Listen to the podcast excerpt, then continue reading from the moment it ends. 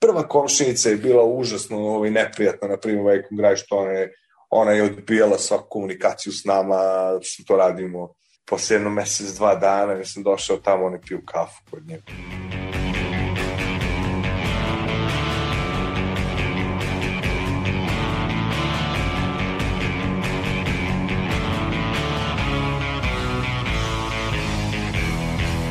Slušate podcast Reaguj nezavisnog društva novinara Vojvodine. Moje ime je Iva Gajić, a na podcastu rade i Sanja Kosović, Irena Čučković i Sanja Đorđević.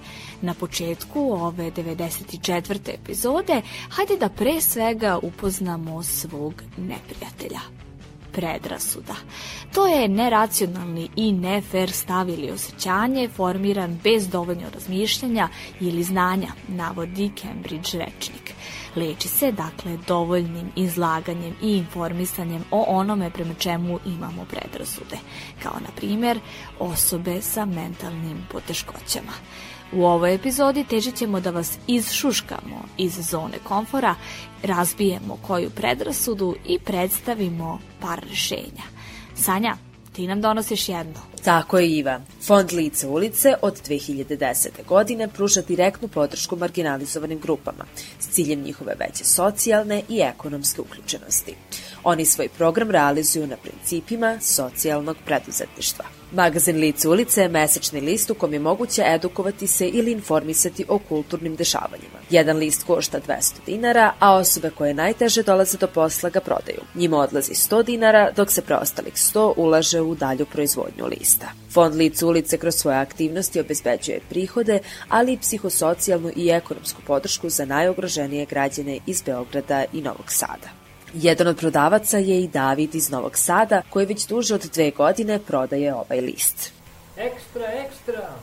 Ja sam završio ovaj, stomatologiju na medicinskom fakultetu u Novom Sadu. Neko vreme sam radio u struci, završio, završio sam i dve godine volonterske specializacije, ali to je nepotpuna specializacija, pošto se bez treće godine ovaj, trebalo da se provede na fakultetu. Ne, desilo mi se pre jedno ovaj, 12 godina da sam izbačen iz kuće u kojoj, u kojoj sam stanovao sa o, sestrom i ocem. Nakon toga Davidov život se u potpunosti promenio. Pored prisilne selitbe koja mu je veoma teško pala, David je pretrpeo i fizičko nasilje. Ova situacija stvorila je značajne traume zbog kojih je imao psihičkih problema. Vremenom je nakon svega toga proglašen i radno nesposobnim. David se kasnije uključio u udruženje lečenih od psihoze ULOP, gde je našao mrežu podrške. Međutim, i ulop se umeđu vremenu zatvorio. David prepričava kako je počeo da radi za list Lice ulice. Kolega Vojo, koji je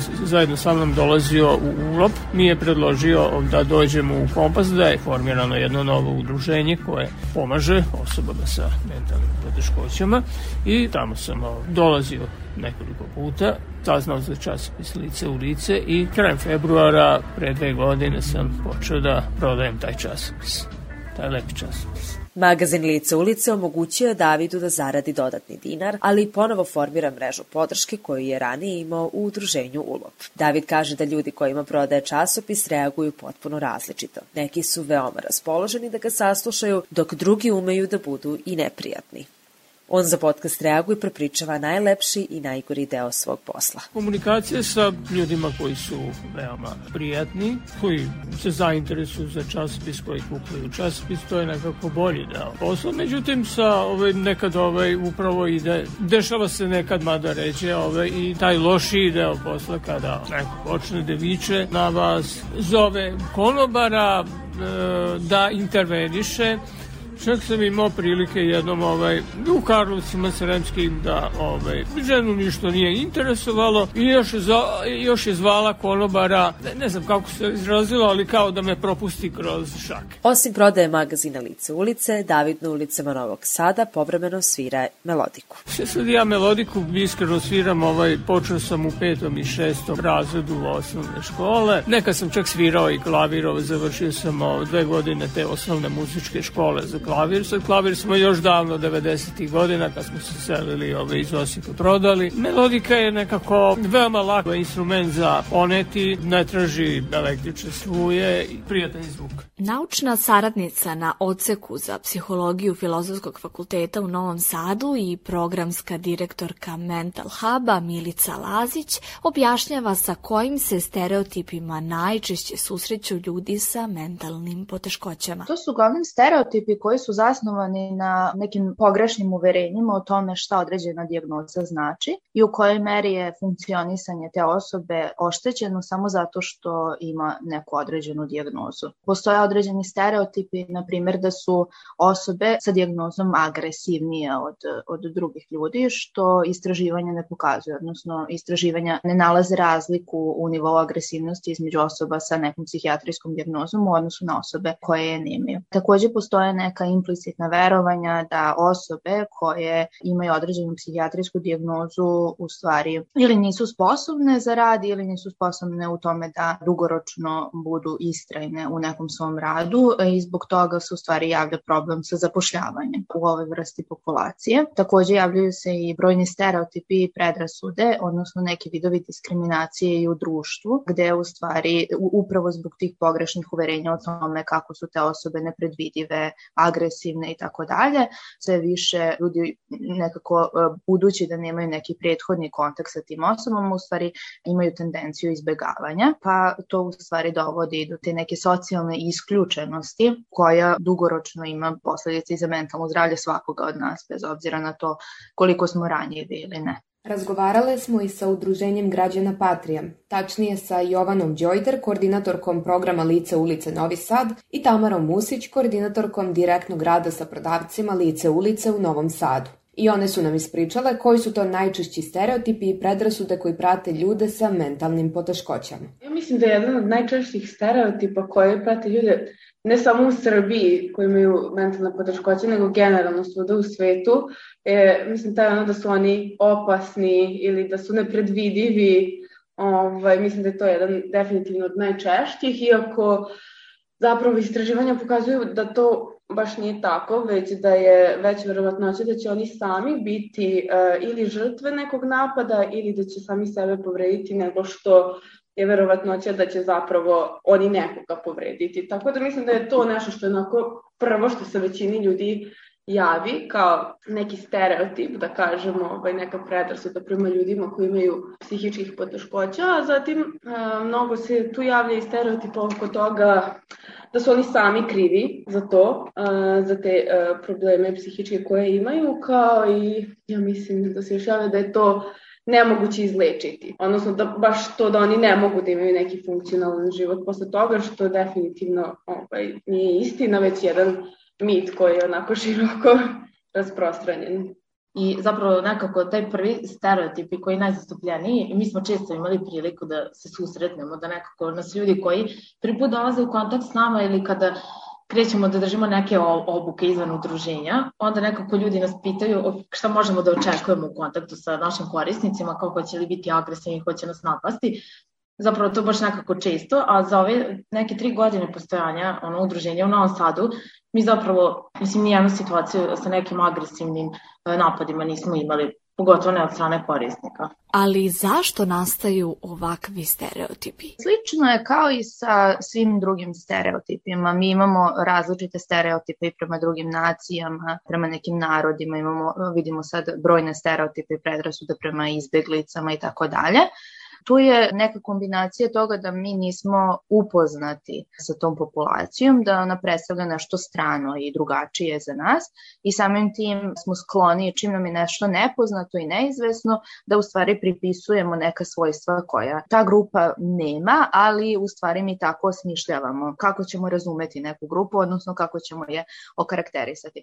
Što smo manje u kontaktu sa nekom grupom, to je veća verovatnoća da ćemo u stvari gajiti neka stereotipna uverenja o cijeloj grupi što smo više u kontaktu sa pojedinačnim predstavnicima grupe, u stvari smo skloni da menjamo naše mišljenje o toj grupi, zato što kao što ni mi nismo slični predstavnici grupa u kojima pripadamo, odnosno postoji prototip, nismo svi isti kao predstavnici grupa u kojima pripadamo, tako je to i za svaku drugu grupu. I u stvari je kontakt nešto što pomaže tome da promenimo mišljenje o takvim grupama, ali u stvari što više imamo stereotipa prema određenim grupama, ćemo teže i da stupamo u kontakt sa njima, odnosno se odlučimo za takvu vrstu interakcije. Ovo potvrđuju i naše sagovornice iz udruženja Patrija, koje se slažu da stereotipi proizilaze iz potrebe da stvari koje su nam nepoznate definišemo na određeni način stereotipi ne moraju nužno da budu loše stvari, oni su nešto što nama pomaže u našem funkcionisanju kad se susrećemo sa nekim nepoznatim stvarima, nešto da onako stavimo u neku kategoriju kako bi se lakše ovaj, nosili sa tim, ali mislim oni ne moraju nužno da imaju neki negativ, neku negativnu konotaciju, čak i postoji pozitivni stereotipi. I sada problem je kada se za jednu grupu, odnosno možda na osnovu jednog pojedinca ili na jednog događaja, ko je nešto što je uradio jedan pripadnik grupe, to generalizuje na ostale pripadnike. I onda tu sledi i diskriminacija i stigmatizacija tih ljudi samo zato što su pripadnici tih grupa. Iako su stereotipi duboko usađeni u naše društvo, protiv njih se moramo boriti. Milica Lazić iz Mental Huba objašnjava kako. Jedan od načina je informacijama. Naravno, kontakt je jedan od najboljih načina kako se u stvari menjaju naše uverenja, naročito zato što su naše uverenja poprilično stabilna i potrebno nam je puno da se razuverimo. Tako da su to negde dva najčešća načina. Naravno, postoje načini koji uključuju neko lično iskustvo druge prirode koje ne mora da bude kontakt kroz neke priče, kroz neke druge informacije koje dobijemo od drugih ljudi kojima verujemo i tako.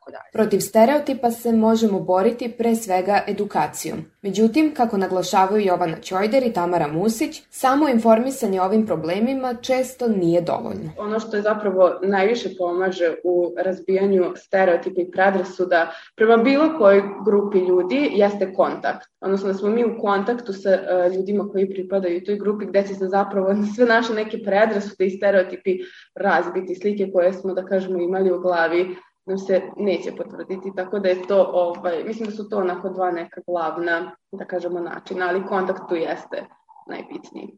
Mislim, kombinacija je jako važna, jer nekako može se desiti, mislim, kao što vidimo da nekako, na primjer, što se tiče, uh, ne znam, uključi inkluzije, na primjer, u školama, možemo videti da zapravo često dolazi nekada ta kontakt, mislim, to što mi nazivamo kao kontakt hipoteza, odnosno to kada dolaze marginalizovane grupe u kontakt sa nekom opštom populacijom, može se desiti da zapravo se suprotno uh, potkrepi slika, ukoliko ona nije na određen način regulisana. Ono što pomaže stereotipima, a ne borbi protiv njih jeste izolovanost sa kojom se ljudi sa mentalnim poteškoćama često susreću. Ako gledamo razvoj načina brige o osobama sa nekom vrstom psihijatrijske dijagnoze, mislim to je slično i kod osoba sa invaliditetom.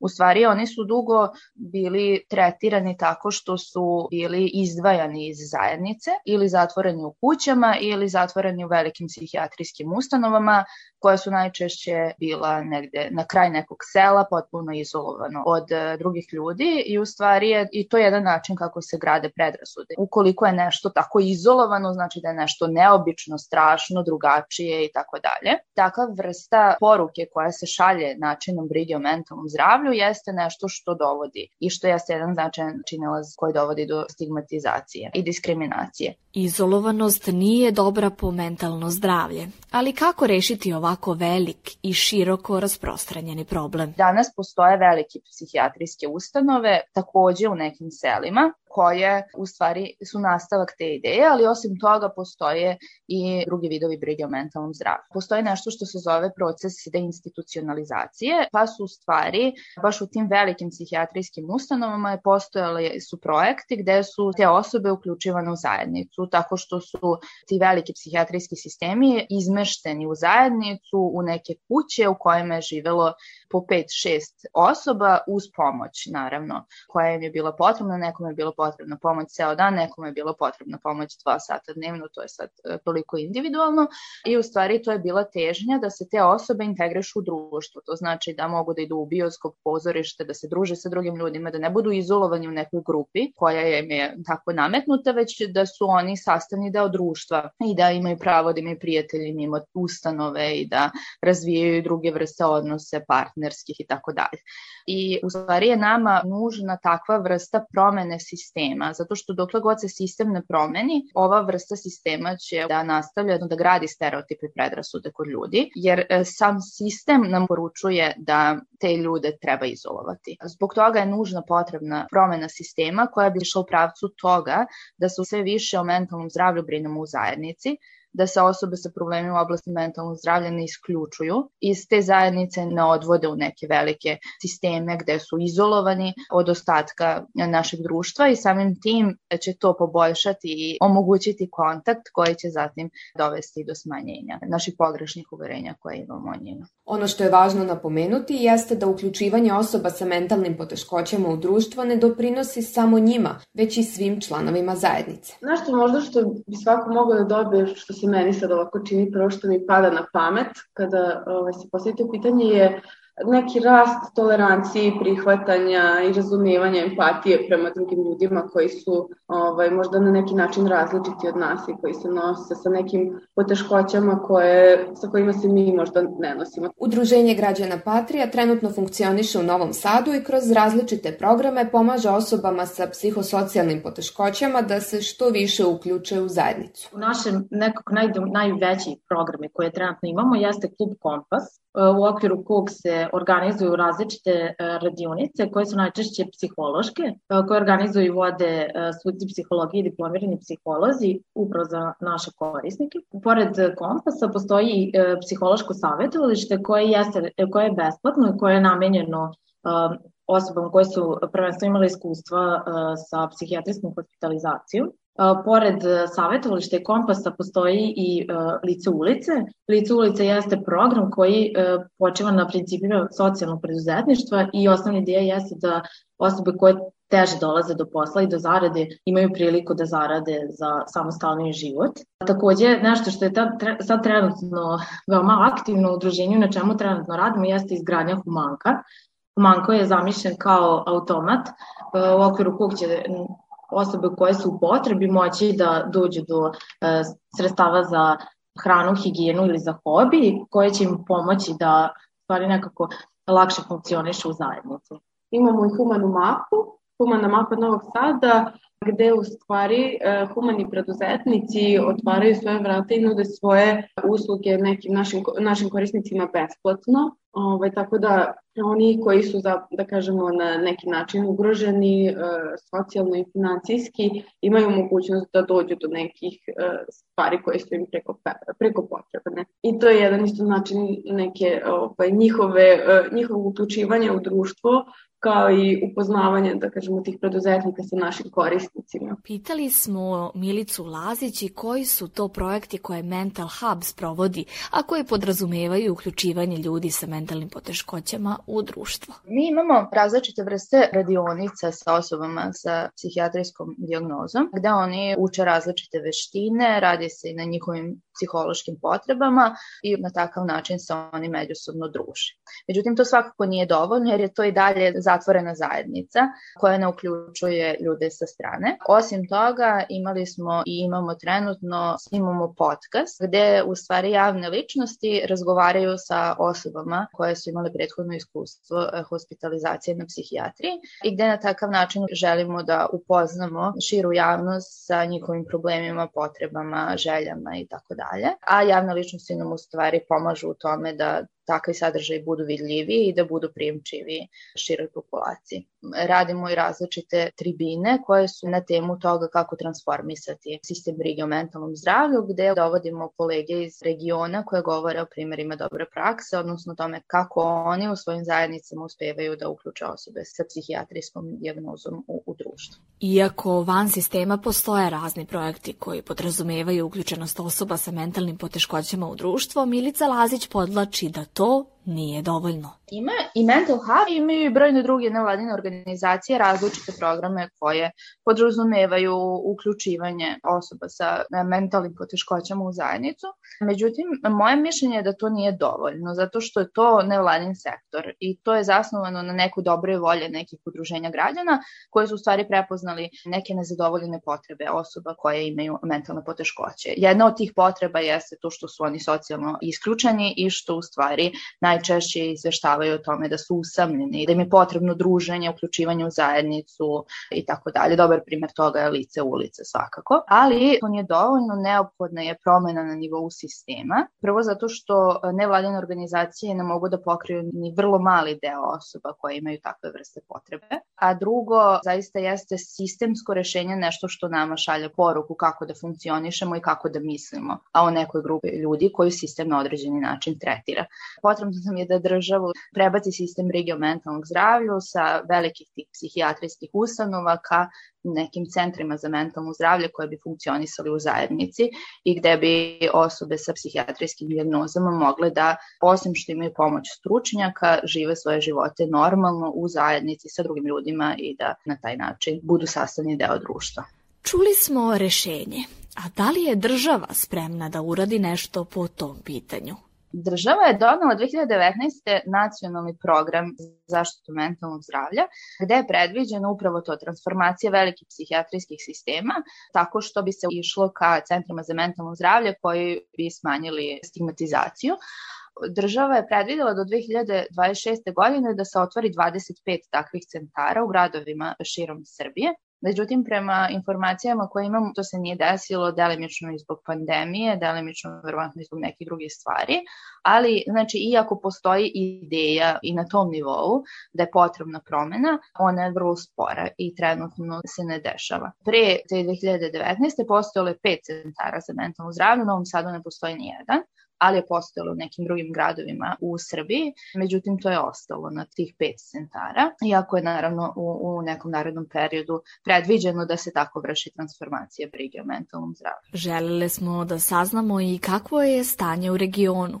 Da li je tamo bolje? Mi kad slušamo ta udruženja iz e, regiona, one nam zaista služe kao inspiracija za dalje ideje i projekte, zato što mi se čini da je njihov nevladin sektor po pitanju ovih tema u stvari napredniji da nude mnogo bolje programe i da imaju mnogo jači uticaj na to kako će država da donese određene regulative po pitanju brige o mentalnom zdravlju, zato ih i dovodimo. Međutim, kada pričamo sa njima, oni su isto na neki način ljuti i frustrirani pitanje zato što oni primećuju u svojim zemljama ono što mi primećujemo u našoj, a to je da u stvari to ide dosta sporo, inertno i da ne postoji dovoljna zainteresovanost za osobe sa psihijatrijskim diagnozama. Naprimer, Hrvatska je u tom procesu deinstitucionalizacije bila dosta odmakla. Postojali su brojni centri za mentalno zdravlje i postojali su brojni pokušaj da su ti veliki psihijatrijski sistemi nekako transformišu u sistem brige koji će više odgovarati tim osobama. Međutim, govorili su nam takođe o raznim birokratskim problemima na koje su nailazili i koje su stopirali njihov rad u više navrata. Tako da mi se čini da su u boljoj poziciji od nas, ali da u stvari i dalje imaju iste ili slične probleme koje postoje u Srbiji. Primer dobre prakse i rešenje dela problema dolazi nam upravo iz naše zemlje. Pre pet godina u cilju usklađivanja normativa Srbije i Evropske unije u postupanju sa osobama sa invaliditetom sproveden je projekat Započinjemo život i to u 18 institucija, među kojima je i ustanova za odrasle i starije Gvozdan Jovančićević u Velikom Popovcu. 18 stanara iz ove institucije preseljeno je u kuću u Velikom gradištu, Petrovcu na Mlavi i Velikom Popovcu kako bi tamo živeli samostalnije i u zajednici. Osim omogućavanja uslova, odnosno obezbeđivanja nekretnina i obavljanja administrativnih poslova, organizatori su morali da se postaraju da korisnike obuče za samstalan život. Jedan od njih je i Ivan Gojković. Postoje mnogo stvari koje kod nas starom nekom logikom se organizuje. Na primjer, aha, aj ovako, zašto si mi cimo i naše računovodstvo će im plaćati račune? Pa brate mili, pa mi ne plaćamo, meni kući ne plaća račune moje računovodstvo, jel, mislim, idemo sami plaćamo. Tako smo i njih učili. Uh, ovaj proces sa sobom nosi mnogo zamki, jer tu uvek tera da uradiš nešto za njih, a u stvari je poenta da njih osnažiš da oni to urade za sebe. A kada dođe do one tačke da više ne mogu, e onda nastupaš ti kao saradnik neki. To puštanje, taj rizik puštanja je zapravo taj moment glavni, kad čovjek rizikuje sa ljudima i svi mi rizikujemo jedni sa drugima često, pustiš ga da živi svoj život i da negde napravi grešku, jel? Kao što i mi pravimo. U stvari, učili smo dosta kako da učeći to kako oni treba da nauče život i mi smo učili kako se živi život. Mislim. Predrasude se najbolje rešavaju izlaganjem onome prema čemu imamo predrasude. Savršen primer je komšinica Roze kuće. E to negde na kraju se pretvorilo u jednu situaciju gde su ljudi stvarno bili prihvaćeni. Niko nije došao i rekao vidi ove ludake, znaš, to baš je bilo onako baš je bilo pozitivno. Zajednica ih je prihvatila, dobili su posao, da kažem, prepoznatljivi su na ulici, javljaju se svima i njih se drugi javljaju, počinju komšijama da pomažu, da cepaju ov drva i tako dalje. Prva komšinica je bila užasno ovaj, neprijatna, na primjer, Vajkom Graj, što ona je, ona je odbijala svaku komunikaciju s nama, što to radimo posle jedno mesec, dva dana, ja sam došao tamo, one piju kafu kod nje, mislim, to je ono, neverovatno, neverovatna promena, to je, to je život, to, to mi ne možemo da predvidimo. I dalje se oni druže, mislim, piju kafu, imaju zajedno mačke, ne znam ja šta rade tamo.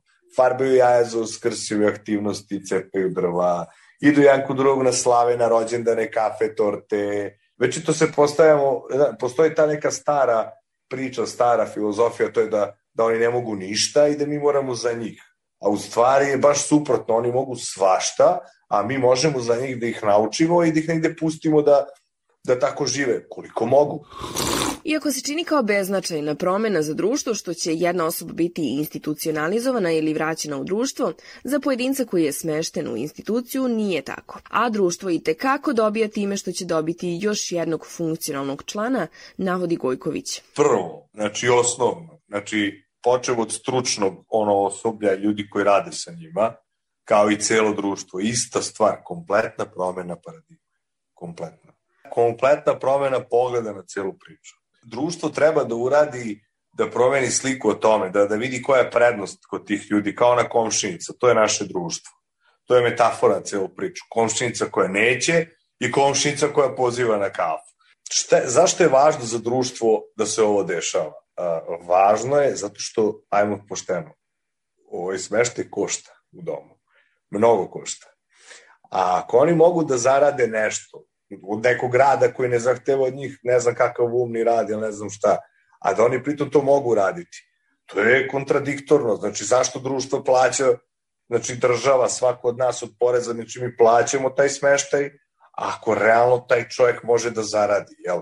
A usluga stanovanja u zajednici je ovako veća cena i onda kako prolaze decenije, to je godine i godine, ta cena kreće da pada i pada i pada i mnogo ispod. Zašto?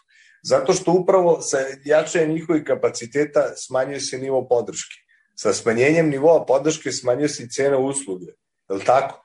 Znači, ako ovo može zaradi, znači ne mora država da mu daje džeparac, već može zaraditi. Ako može zaraditi i imati džeparac, znači to je jedan deo manje od cene. Ajmo dalje. Ako može sam da se brine o svom zdravlju, da uzima terapiju na vreme, on može u okviru redovnog osiguranja da ide kod lekara, i da uzme recept i da uzme lekove, ali tako? Znači, ne mora da dolazi medicinska sestra koja je zadužena da mu meri pritisak i da mu daje lekova, tako? Već može sam. Znači, to je opet još jedna osoba manje za plaće. Nekaju bismo došli do toga da imaju možda nekog socijalnog radnika koji im treba da im organizuje neke kompleksnije poslove i nekog psihologa eventualno koji bi malo slušao njihove priče, da, da više amortizovao njihove neke stresove ili tako nešto. Znači, na kraju se sve svede da ta usluga košta manje. Znači, sa povećanjem kapaciteta tih ljudi smanjuje se nivo podrške. Samim tim se manje i plaća. Mi, nažalost, nismo došli do toga. Najuspešniji primer deinstitucionalizacije je Marina, koja je 80-ih zbog svoje seksualne orijentacije proglašena kao osoba sa intelektualnim teškoćama i kao takva smeštena u ustanovu za odrasle. Gojković nam priča njenu priču. Marina je ovaj, stekla vlasništvo nad raznim njivama u svom selu.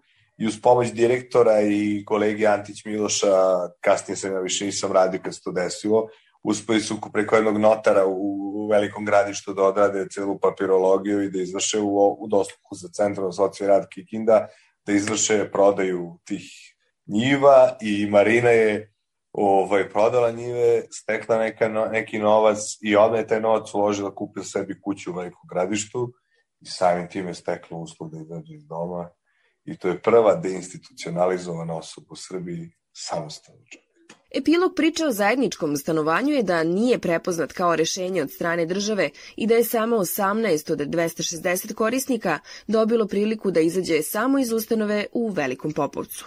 Ovim završavamo 94. epizodu u kojoj smo govorile o predrasudama koje prate osobe sa mentalnim poteškoćama, kao i načinima kako da se te predrasude sruše i da se pomogne ovim osobama da se vrate u društvo. Ukoliko i vi imate neke primere dobre prakse, pišite nam na Facebooku i Instagram stranici, Facebook grupi, na TikToku ili na mailu podcast.ndnv.org. Slušamo se ponovo uskoro, a do tada ne zaboravite da čekamo na vas, vaše komentare, iskustva i predloge tema. Naš rad možete pratiti na Castboxu, Sounderu, Spotifyu, Google podcastima, Deezeru, kao i na sajtu podcast.rs. Ukoliko želite da nas podržite, uradite to baš šerovanjem, komentarisanjem, deljenjem svoje priče ili preko sajta donations.ndnv.org.